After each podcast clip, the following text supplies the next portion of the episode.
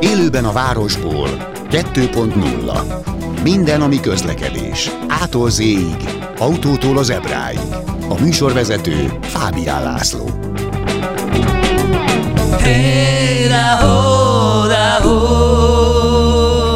Jó napot kívánok, köszöntöm Önöket, egy kicsit fázik a fejem, mert a szél lefújt róla az ársapkát, bocsánat. Nyilván ezzel a témával sokkal komolyabban fogunk foglalkozni. Köszöntöm a vonalban Gáspár Lászlót, a Független Benzinkutak Szövetségének alelnökét. Jó napot kívánok, László! Jó napot kívánok, azt korrigáljam Gépész László. Ja, bocsánat, bocsánat, jó, jó, elnézést, Gépész László, elnézést kérek.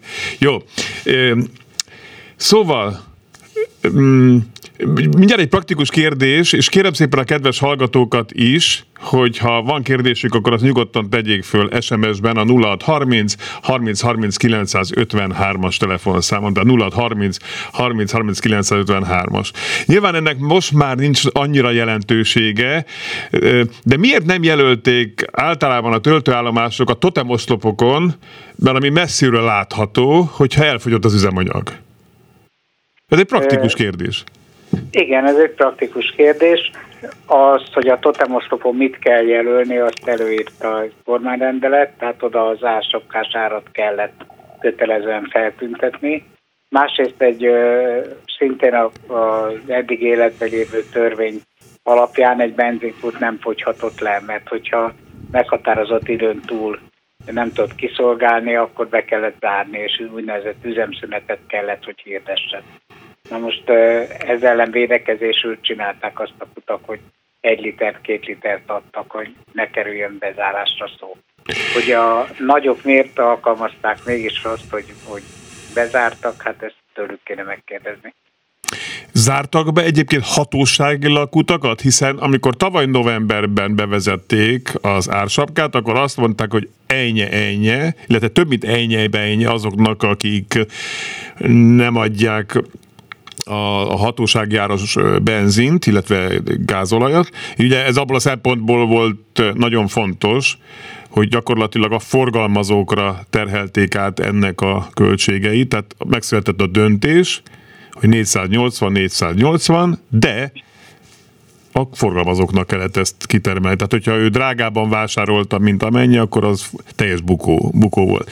Tehát de azt is mondták, hogy ezt kell árulni, nincs, nincs mes, aki nem árulja, az bezárják. Történt-e ilyen? Legjobb tudomásom szerint nem. Amikor bevezették az ársapkát, akkor sorozatos ellenőrzések voltak szerte az országban, gyakorlatilag minden úton, és aki nem alkalmazta 480-at, az büntették. Na most, hmm. amit ön felvetett, az teljesen így volt, tehát a 480 ére a dicsőség a kormányé volt, a teher meg a miénk. Van-e önnek an, iparági pletyka, ugye ezt így szokták hívni? Mert, mert azt mondom, hogy a választásokig politikailag érthető ez a dolog én szoktam itt a műsorban mondanak kedves hallgatóinknak, hogy nem szoktam politizálni. Ez inkább mondjuk egy politológiai kérdés. Tehát visszatérve, a választásokig érthető. De miért tartották még a választások után is, hiszen oké, okay, hogy népszerűtlen, de mondjuk a, a, a kata beszántása se volt egy roppant népszerű döntés, és mégis meglépték, mert meg kellett lépni, legalábbis az ő, ők úgy gondolják.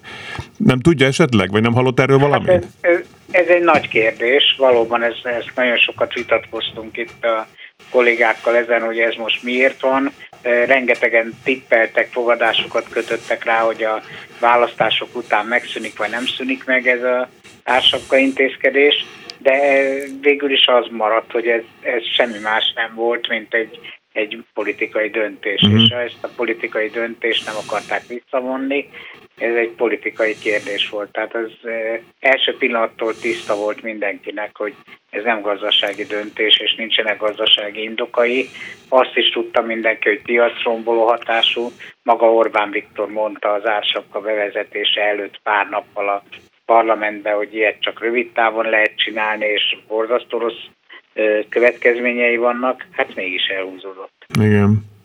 Most bocsássam meg, kedves gépész úr, most kinevezném három és fél percre mondjuk miniszterelnöknek. Tehát, hogyha önnek kéne lavírozni egy népszerű intézkedés és a gazdasági hatások között, és ön ért is mondjuk a gazdasági oldalához, akkor, akkor ön mit csinálna? Hát elsőben lemondanék. nem török, nem, nem török Nem mondhat le, neki van két és fél perce. De, igen, igen. Én azért úgy gondolom, hogy akármilyen politikai döntés mögött, ha az igazságtól eltérek, valamilyen szinten, akár politikai, akár a gazdasági igazságtól eltérek, akkor lehet, hogy rövid távon hasznot érek el, de hogy hosszú távon nagyon kemény következményekkel kell számolni, az biztos. Tehát én akkor indítanék egy propagandát, egy kampányt arra, hogy elmagyarázzam a, a talán népszerűtlen döntés okait, úgy, ahogy ez a valóságnak megfelel, és úgy, ahogy a, az emberek számára is közérthető, és megpróbálnám azon keresztül a, a valódi hatást érvényesíteni. Épészül ne haragudjon, ön reménytelen, mint politikus, akkor ne. Ez azt nem, hiszem. nem is török ilyen papírokra. Igen, igen, igen, igen. Jó. Na most Romániában olyan, olyan megoldás történt, hogy 40 forintnyi lejjel talán támogatták az üzemanyagokat, meg, tehát, hogy e- ezek a megoldások sem működőképesek. Mit tapasztalt a környező országban? Horvátországban is volt, talán Szlovéniában is volt valamiféle ársapka, talán nem ennyire drasztikus, mint a magyar. Azoknak mik a tapasztalat, ön mit tud ezekről? Hát ezekről nagyon, nagyon keveset tudni, és ezek leginkább átmeneti intézkedések. Itt Magyarországon is mindenki javasolta, hogy hozzá kellene nyúlni talán az adóhoz. Uh-huh. Most uh, nyilván ennek vannak nemzetközi összefüggései, és vannak előírt adóminimumok, de igazából nem, nem ez volt az alapvető probléma. Az alapvető probléma az, hogy a forint meggyengült. Most a, ezek a, az üzemanyagárak, amik Magyarországon akár most, vagy akár az elmúlt évben is, mint piaci ár jelentek volna meg, ezek egyáltalán nem voltak magas árak. Itt a forinttal volt a probléma. Ha az egészet átszámoljuk euróba, akkor igazából néhány százalékos, 10-20-30 százalékról beszélünk, nem kétszeres árakról. Tehát hmm. meg kell nézni, hogy 2010 vagy 2021 novemberében mennyibe került egy euró, és a mai ö, euró meg kell nézni a kettő különbségét levonjuk a mostani piaci árból, akkor Európa egyik legszebb országa lehetnénk. Igen. Nem a hatósági intézkedések miatt, de hányan zártak be benzinkutak, és mennek-e tovább most, hogy lassan majd magához tér a piac? Ez két nagyon nehéz kérdés. Uh-huh. Ugye én úgy értékelem, hogy az a benzinkút, amelyik ö, mindenkinek adott kettő liter üzemanyagot, vagy ötöt, vagy egyet, azt én nem tekintem nyitva levő benzinkútnak. Tehát az a, az a bezárásnak egy, egy olyan formája, amivel csak a, a legszigorúbban vett törvényi előírásnak próbál eleget tenni, és azt próbálja védeni, hogy legalább ne vegyék el tőle a benzinkutat, de ez nem jelent kiszolgálást, nem, nem jelent üzleti kapcsolatot a partnereivel. Tehát én ezt úgy találom, hogy az egyfajta tetszhalott állapot. Tehát ezeket nyugodtan nevezhetjük zárva tartó benzinkutaknak. Hogy ezek közül most hányan lesznek képesek arra, hogy újrainduljanak, ez megint több tényezőtől függ. Az első az, hogy lesz-e üzemanyag.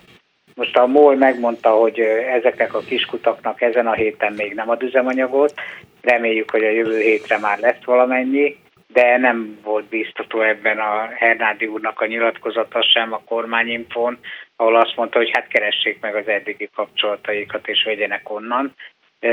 Ugyanis ezek a, a régi kapcsolatok, ezek általában külföldről hozott üzemanyaggal dolgoztak, már pedig a külföldi nagykereskedők, vagy esetleg finomítói kapcsolatok is nem úgy vannak, hogy, hogy szabadon áll az üzemanyag, és azonnal lehet vinni, hanem hosszú távú szerződésekről van szó. Na most, hogy valaki, akit Magyarországról kicsuktak azzal, hogy nem adhatott itt el normális áron üzemanyagot, hanem kikeveredett erről a piacról, az mennyi idő alatt fogja újra rendelkezésünkre bocsátani azt a mennyiséget, a meglévő szerződései mellett mikor tud új árualapot teremteni, ez a jövő zenéje. És itt ne felejtsünk el egy alapvető közgazdasági, mondjuk így közgazdasági igazságot, a bizalmat felépíteni nagyon nehéz és lassú folyamat, összetörni meg nagyon gyorsan megy. Tehát most akkor azt mondja a kedves László, hogy sikerült. Hogy sikerült, aha.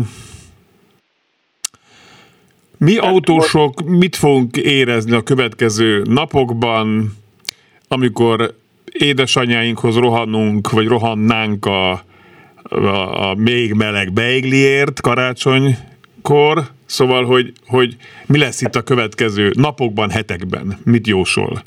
Én azt remélem, hogy a, akár a MOL, akár a Shell, az ÖMB, vagy éppen a kis benzinkutak is ebben a, ebben a dologban teljesen azonos nézetet vallanak, és mindenki megfeszítetten azon fog dolgozni, hogy rendezze ezt a kérdést, és egy normális szolgáltatást tudjon nyújtani. Ebben maximálisan partnerek vagyunk mindennel és mindenkivel, és én nagyon remélem, hogy, hogy azért egy-két hét alatt ez a dolog le fog rendeződni.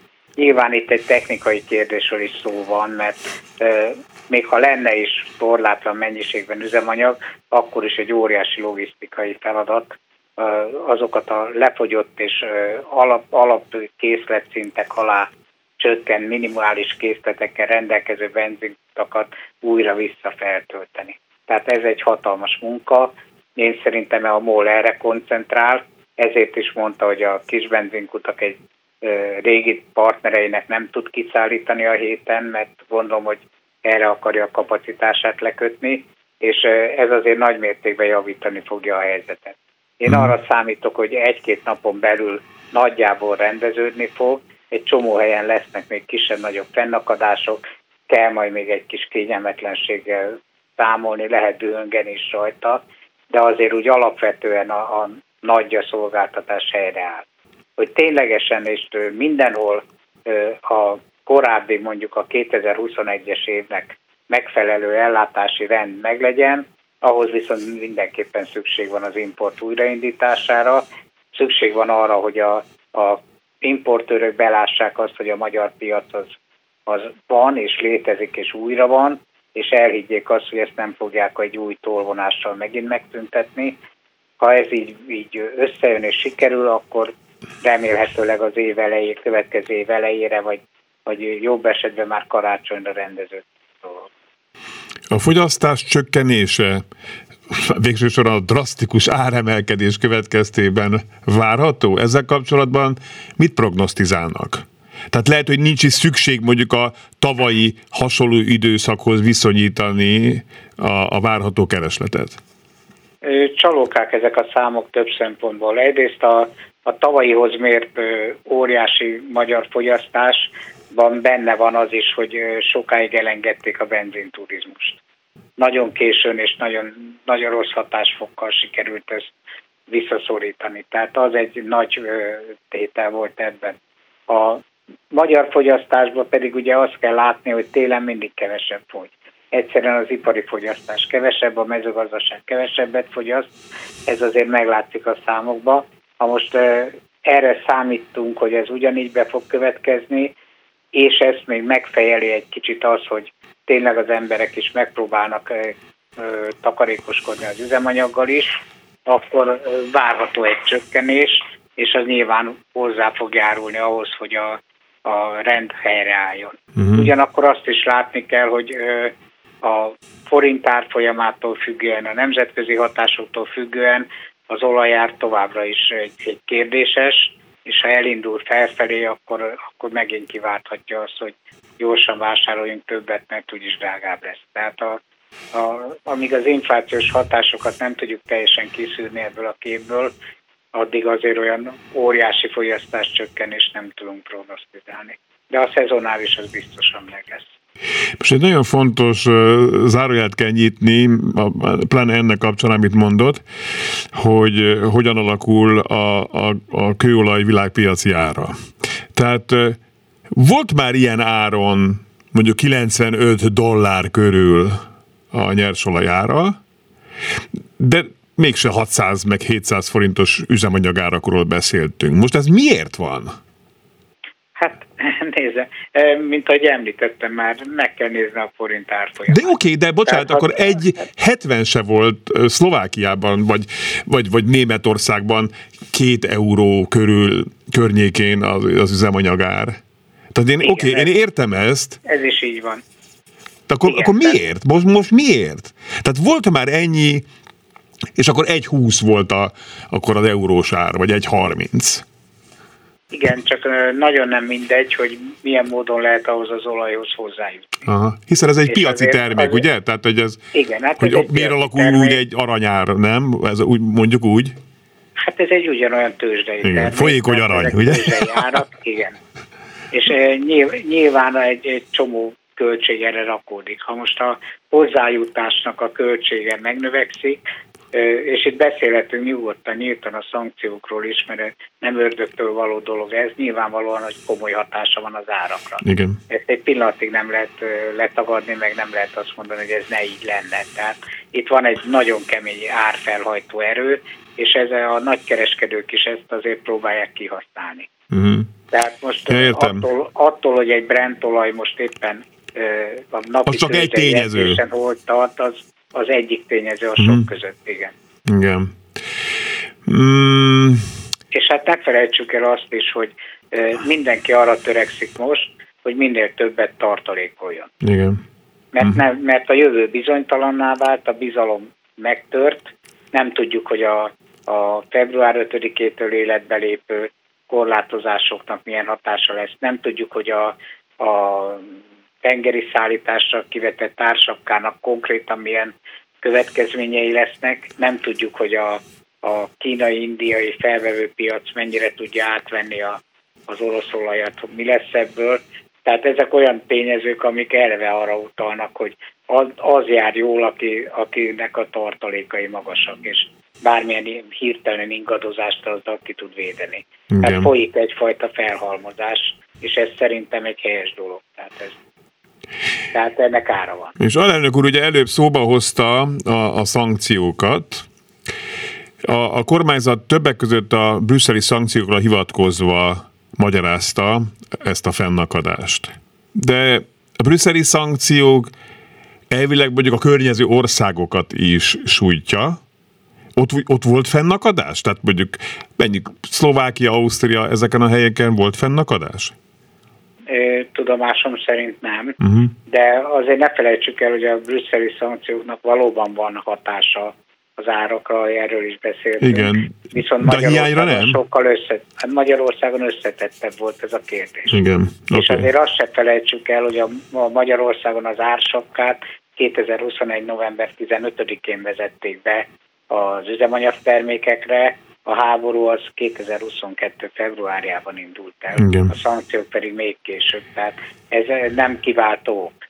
Egy Igen. olyan tényező a szankció, ami valóban befolyásolja az árakat, és nyilván befolyásolja a tartalékképzés, befolyásolja a jövőbe vetett biztonságnak a hitét is, de nem, nem ez váltotta ki, és nem ez az alapvető ok. Még néhány kérdése van, és van még kb. három percünk. László, a, a kormány, tehát azt beszéltük, hogy a legelején azt mondta, hogy ők zsebelték be a politikai hasznot, de mindent tovább hárítottak. De aztán később mégis csak jöttek olyan hírek, hogy támogatni fogják a, a benzinkutakat. Ez megtörtént? Részben igen. Tehát Mhm. uh, itt arról van szó, hogy a benzinkutak veszteségét, amit egy-egy ilyen liter eladásán, a hatósági áron történő eladáson elszenvedtek, uh, ezt nem lehetett már el, elviselni. Tehát ennek a, ez teljesen érthető volt, és ezt a kormányzat is elfogadta. Mi a számításaink szerint átlagosan, ugye nyilván függ a benzinkút méretétől, meg a eladott literek mennyiségétől, de átlagosan 40-50 forintra jött ki egy liter üzemanyag eladásának a költsége. Ebbe benne van az odaszállításnak a költsége, benne van a benzinkút üzemeltetésének a költsége, a villanyszámla, a gázszámla, a biztosítási költségek, a könyvelés költsége, A munkaerő. az ezernyi hatósági előírás betartásának és az ellenőrzéseknek a költsége, és természetesen a munkaerő, a munkabérek, a járulékok, a időközben megemelkedő minimálbérek ugyanúgy hatással voltak ránk, és hát azért szeretne a benzinkutas is a családjának hazavinni kenyeret. Tehát Hmm. ez, és az inflációs hatások ugyanúgy érik, mert... De akkor mit is az, hogy magyar- részben, tehát magyar hogy részben kézben- adtak támogatást? Az alatt mit Részben- ért? részben azt értem, hogy a kormányzat végül is nyújtott egy olyan támogatást, amire azt mondták, hogy a 2021-es évben elért forgalommal arányosan az akkor eladott literek 80%-a után 20 forintot. Tehát magyarul minden eladott, tavaly eladott liter után 16 forint támogatást mm. nyújtott a kormány.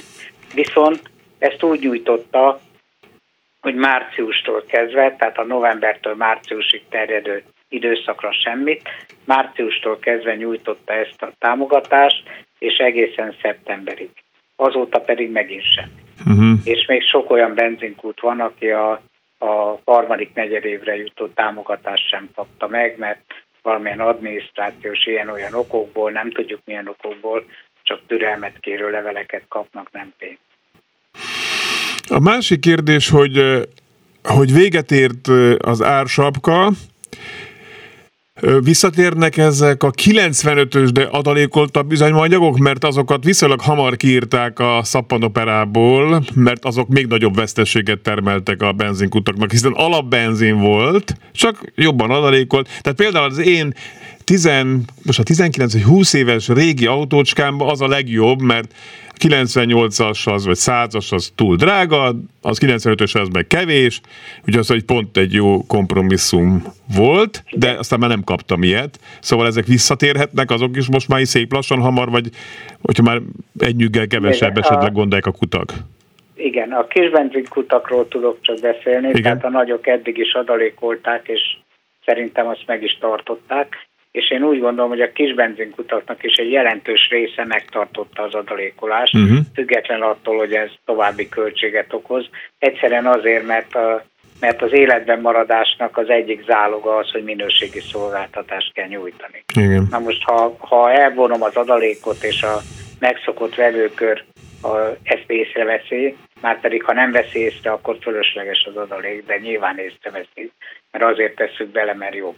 Igen. Tehát mi is beletettük, folyamatosan beletesszük az adalékokat, aki ahhoz, ahhoz a, a vevőinek ezt a minőségi szolgáltatást nyújtotta, az biztos, hogy nem ezen spórolt, mert akkor elveszti a vevőt. Tehát ez, ez, ez mindenképpen úgy gondolom, hogy aki eddig megtartotta, az nyilván most is meg fogja tartani, aki valamiért ezt csökkentette vagy korlátozta, az pedig vissza fog térni, mert minőséget kell garantálni. És még egy utolsó kérdés, hogy miért mozzárt be száz halambatta. Tehát itt nyilván az emberben azért felerősödik egy kis konteó, mondjuk így, vagy egy, vagy egy kis így, háttérgondolat, hogy hát nyilván mozzárja be a MOL, mert akkor legalább nem kell olcsóan az üzemanyagot szállítani. Illetve ez, ehhez kapcsolatos kérdés, hogy miért nem tudta egyáltalán akkor kiszolgálni úgy Magyarország legalább egy részét a MOL? Tehát miért dölt ez így össze ennyire? Hát akkor, amikor ez kezdetben elindultak ezek a megbeszélések, hogy akkor most hogyan tovább az ársak a bevezetése után, akkor a MOL-nak a felelős, akkori felelős vezetője Ratatics úr azt nyilatkozta, hogy a MOL minden igényt ki tud elégíteni, és minden Magyarország igényre rendelkezésre áll minden, kivéve a szállítást. Tehát azt nem tudja megoldani, Aha. de egyébként minden.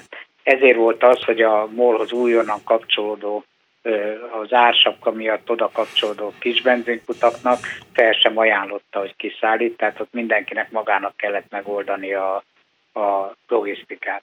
Hogy ezek után a MOL mégsem tudott kiszállítani, annak több oka volt. A, az egyik talán az, hogy a Ratatics úr tévesen mérte fel a képességeket, és valójában nem volt meg ez a potenciál, ahol van, mert ő akkor is a piacnak körülbelül a 70%-át látta el, és ő úgy gondolta, hogy a plusz 30 bele fog férni, de úgy tűnik, hogy nem.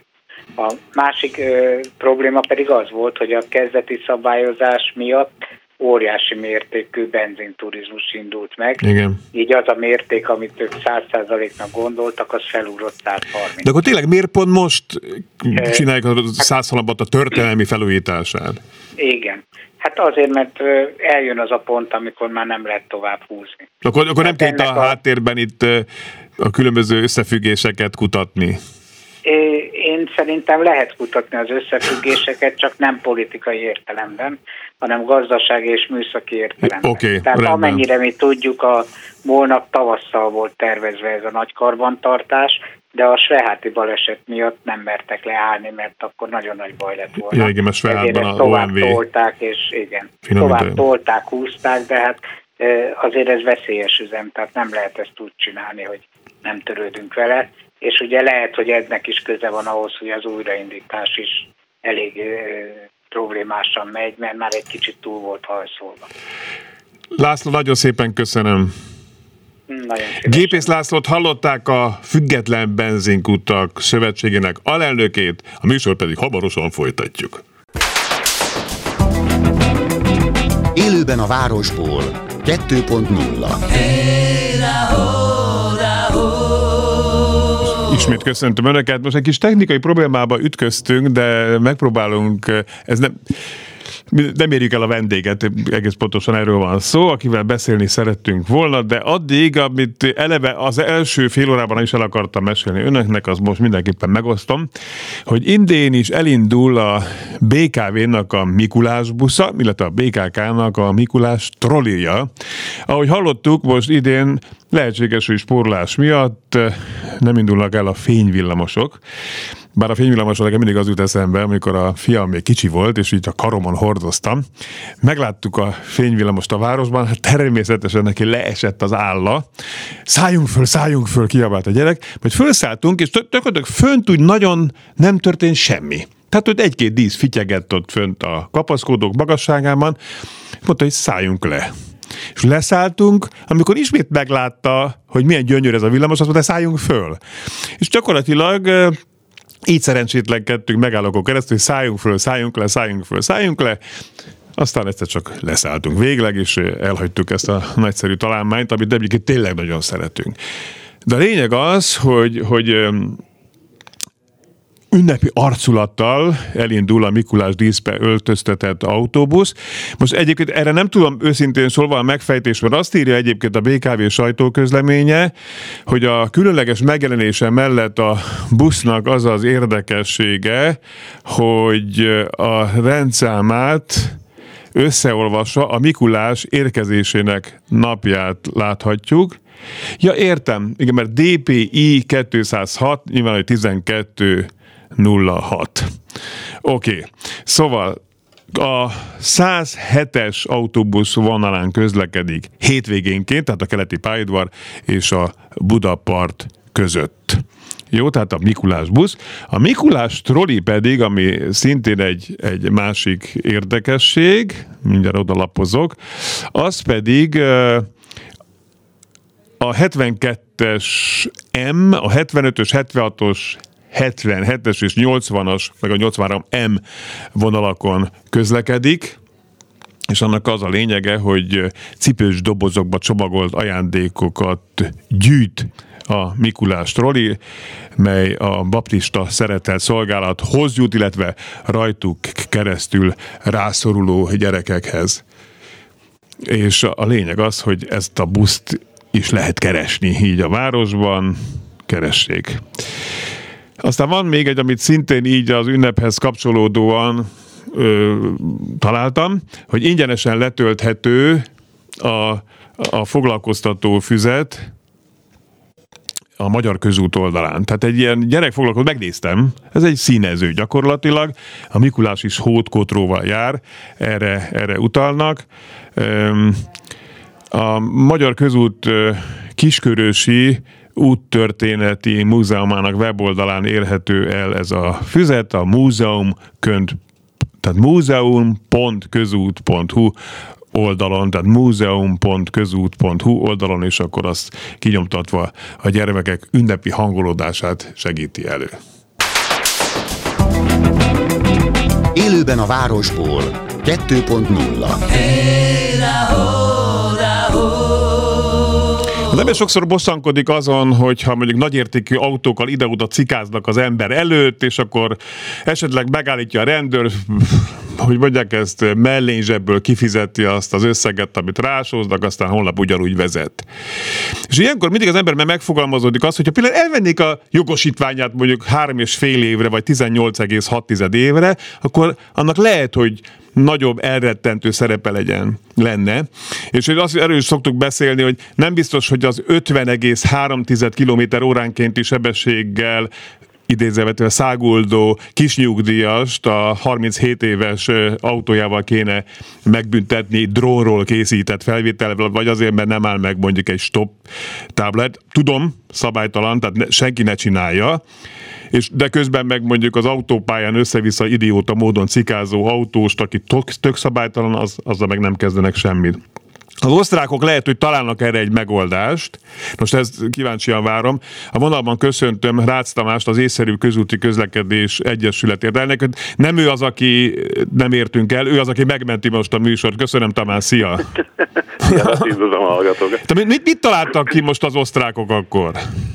Hát a, ott, ott van ugye a közlekedési minisztérium, van közlekedési miniszter is, és uh-huh. az ő, ő, ő tolmácsolásában hallottuk ezt, hogy, hogy ők arra gondoltak, hogy esetleg el kéne venni az autót attól, aki egy bizonyos szintnél jobban megszegi a sebességhatárokat, sebességkorlátozásokat, és hogyha ez sikerült törvényre, törvényerővé konvertálni, akkor ez el is fog indulni, és akkor nagyon vigyázni kell majd Ausztriában, hogy lakott területen belül 60-nal, lakott területen kívül pedig 70-nél gyorsabban, semmiképpen ne szegjük meg a sebességhatárt, mert akkor ott helyben elviszik az autót alul.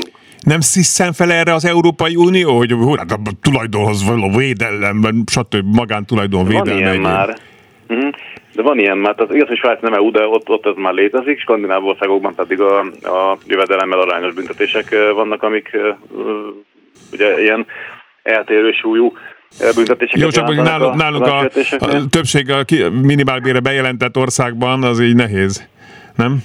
Hát nálunk nehéz lenne, tehát nem tudom, hogy szerencsére, de egyelőre nem is arról van szó, hogy nálunk csinálják ezt, és fontos egyébként fontos kitétel még, hogy csak a saját tulajdonú autót veszik el. Tehát, hogyha valaki kölcsönkér valakitől egy autót, és utána beleballag a 130-as táblánál a 200-ba Ausztriában, akkor nem a, az a barátja kocsiját nem fogják lefoglalni, hanem, hanem akkor ő megkapja a saját neki álló büntetését, és az autó visszakerül hozzá. És egyébként ennek az az oka, vagy az, az, az, az, az a magyarázata ennek a különböztetésnek is, hogy nem úgy általában mindenkit szeretnének most hirtelen, nem tudom, megijeszteni, vagy, vagy leszedni az utakról, vagy a kocsikat begyűjteni, hanem kifejezetten a hétvégi illegális versenyekre mennének rá, arra a körre, akik a zöldpárti miniszter szerint is egyébként nagyon fontosnak érzik a saját autójukat, és így azonosulnak vele, és ugye az életüket úgy élik ki, meg és saját mindenféle kis bajaikat, hogy, hogy, hogy illegális versenyeken vesznek részt, és akkor ott veszélyeztetik a közlekedőket. Tehát ellenük irányul célzottan ez, a, ez az intézkedéscsomag, csak hát persze mindenki más is szembesül majd a következményekkel, hogyha ilyen szintű gyorshajtást követne el. Neked mi a véleményed, mint szakembernek, tehát a közlekedés biztonsága felett örködni próbáló szakembernek erről? Ugye ezt, írtunk egy cikket erről a, a Player magazinban, egy ilyen véleménycikket, hogy, hogy megtörtént ez a, ez a dolog, és a szerkesztőségben nagyon sok autós ember van, és nagyon erős erősen ellenkező vélemények jöttek ki.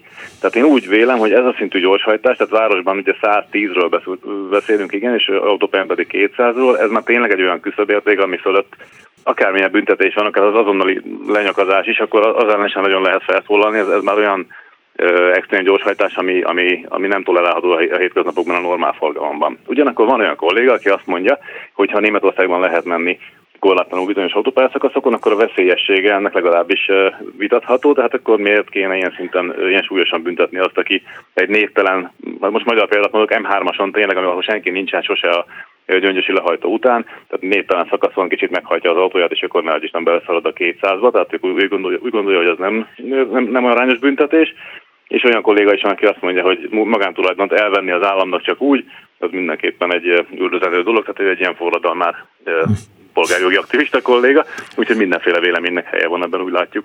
Uh-huh. Szerinted, ha akkor nem ez, akkor mi az, ami működőképes tudna lenni? Mondjuk hát akár Magyarországon. Tehát, hogy, mert itt Magyarországon, bocsánat, már látom azt, hogyha ez Magyarországon vezetnék be, akkor Tamás, figyelj, nekem ez az autó tetszik, vedd meg nekem, add kölcsön, neked tudom, hogy tetszik, azért megveszem azt, és kölcsönöm neked, és nem tudják elvenni. Tehát... Igen, biztos, hogy keresztet, ugyan úgy szerveznek a gyorsulási versenyeket, hogy az egyik a másik autójával indulna, és fordítva, és akkor ebben.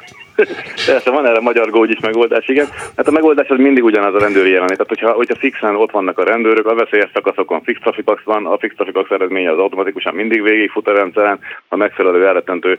Nem is mondom, hogy erejű, hanem következménye van annak, hogyha valaki veszélyes helyen gyorsan hajt, akkor az megszünteti ezt a fajta, ezt a fajta felelőtlen magatartást. És az pedig nyilván én se helyes nem, hogyha a teljesen névtelen szakaszokon indokolatlan korlátozásoknál levő mérésekkel, nem is tudom, pénzt beszednek, vagy ijeszgetnek az autósok, hát Magyarországon ez is meg szokott néha történni. Ausztriában kicsit máshogy van ennek az egésznek a filozófiája. Egyébként ez, amit Ausztriában bevezetnek, ez kimondottan csak a gyorshajtásra vonatkozik, vagy az egyéb nem tolerálható magatartásokra. Most mit tudom én, a, a indoklatlan fékezésre, tehát a, a hogy mondják, az milyen büntető hát fékezésre. Vannak erre, vannak erre egyéb szabályok, tehát a követési távolságot például nagyon szigorúan ö, mérik és, és büntetik már most is, hogyha két tized másodpercen belül követ valakit az autópályán, akkor az azonnali jogsi bevonással meg ilyesmikkel jár, és a kamerarendszerek mérik is itt ott. Ugye ott van ez a környezetvédelmi okból való sebességkorlátozás, ezt is kiemelt, nem figyelik. Ja, az IG kötőjel el, ugye? Igen, igen, igen. Tehát, hogy azért ott, ott egy működő rendszere van, és egy működő és folyamatos és kiszámítható rendszere van a közlekedés biztonsági ellenőrzéseknek. Ez, ez csak egy újabb elem lenne benne, és mondom kifejezetten azokra mennének rá, akik sportot üznek abból, hogy, hogy, hogy forgalomban ilyen extrém szintű gyorsajtásokat követnek el rendszeresen. Uh-huh. Tehát akkor ma- magyarán ez a magyarokra így módon nem vonatkozik ott? Tehát az én de autómat...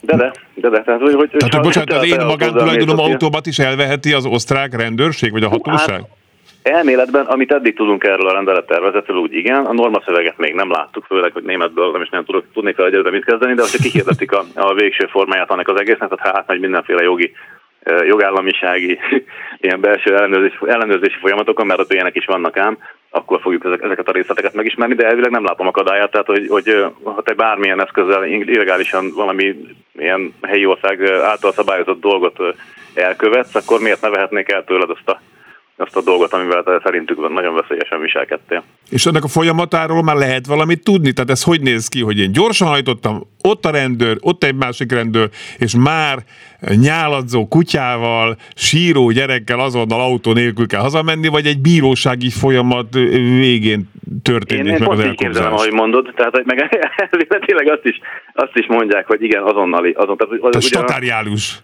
Igen, igen, és a, ennek az azonnali következménynek ennek van is egy nagyon komoly kriminalisztikai jelentősége, tehát hogy az, adnak van igazán visszatartó ereje, amikor nincsen mód később kimosakodni ebből az egészből, meg, meg elvinni a kosirat még, és akkor mindenféleket csinálni vele, meg eldugosni, meg hasonlók, hanem ott helyben kivesznek. És mennyi időre ko- kobozzák el az autót? Ez, ez súlyosaktól függ? Első esetben, igen, igen, súlyosaktól függ, de első esetben, hogyha ez a plusz 60, plusz 70-es túllépésed van, akkor két hétre veszik el, de hogyha plusz 20, 70 és 80-as túllépésed van, tehát viszonylag szűk határon túl vagy, akkor viszont rögtön örökre, és el is árverezik, és az árverezési bevételnek a 70%-a az megy az osztályközlekedés biztonsági alapba, 30%-a meg a helyi önkormányzathoz jut, ahol éppen elkövetted ezt a, ezt a fertelmes bűnt, hogy, hogy 200 fölött mentél autópályán. De Hát, hogyha persze marad még kedved, vagy egyáltalán pénzed abból a nyomorult 30%-ból, amit visszakapsz, akkor, akkor vehetsz új autót magad, nem, vagy bocsánat, újabb bocsánat, autót? Nem te, kapod vissza, nem te kapod vissza, hanem az érintett önkormányzati költségvetésbe fog beesni ez a pénz. Tehát a te kocsidalomtok ez a megszűnt, hogyha, hogyha elkövettél egy ilyet. Magyarán, magyarán, és semmi pénzt nem kapok én vissza, elárverezik akkor sem? Sőt, még ki kell fizetned a büntetést a, a gyorshajtásért ezen szerint mm. is persze. Jesztusom. Uh-huh. Ez kemény azért. De, de vehetek magamnak egy újabb autót esetleg, hogyha egy, hát ha visszatér belőlem az életkedvez után. Persze, egy fél év után, amikor visszakaptad a jogsírót, akkor beülhetsz megint autóba, csak hát ez nem tudom, hogy meddig éri meg neked, hogy, ezt így csináld. És mondom, olyan extrém mértékű ez a sebesség túllépés, azért nem sokan megyünk 200 autópályán, főleg Ausztriában, ugye, tehát hogy ez, azért az nem, tényleg nem egy mindenkit érintő probléma, meg az ottani forgalom se, se ilyen tempóval szokott haladni, pláne nem városban 110-zel, úgyhogy szerintem azért ez egy elfogadható mértékű tolerancia ebben a rendszerben, amíg még nem kell félni attól, hogy elviszik az autót. Tehát aki vezet, azért azt tudja már megállni, hogy városban 110 felé már ne gyorsítson. Igen, igen. Ez nem egy nagy kérés talán, igen. Oké, okay, nagyon szépen köszönöm műsormentő Rácz Tamásnak, az észszerűbb közúti közlekedésért Egyesület elnökének, hogy megosztott ezt egyiket nagyon friss hírt, és az ezzel kapcsolatos mondjuk, hogy dilemmákat, illetve a várható hatásokat. Köszönöm szépen, elnézést kérek itt a második fél óra pici hézagáért önöktől. Kívánok önöknek balesetmentes és boldog közlekedést, ársapka viszont látásra, illetve önökkel jövő héten, és Pető Attila Kressz professzorral találkozunk. Fábián Lászlót hallották, viszont halásra!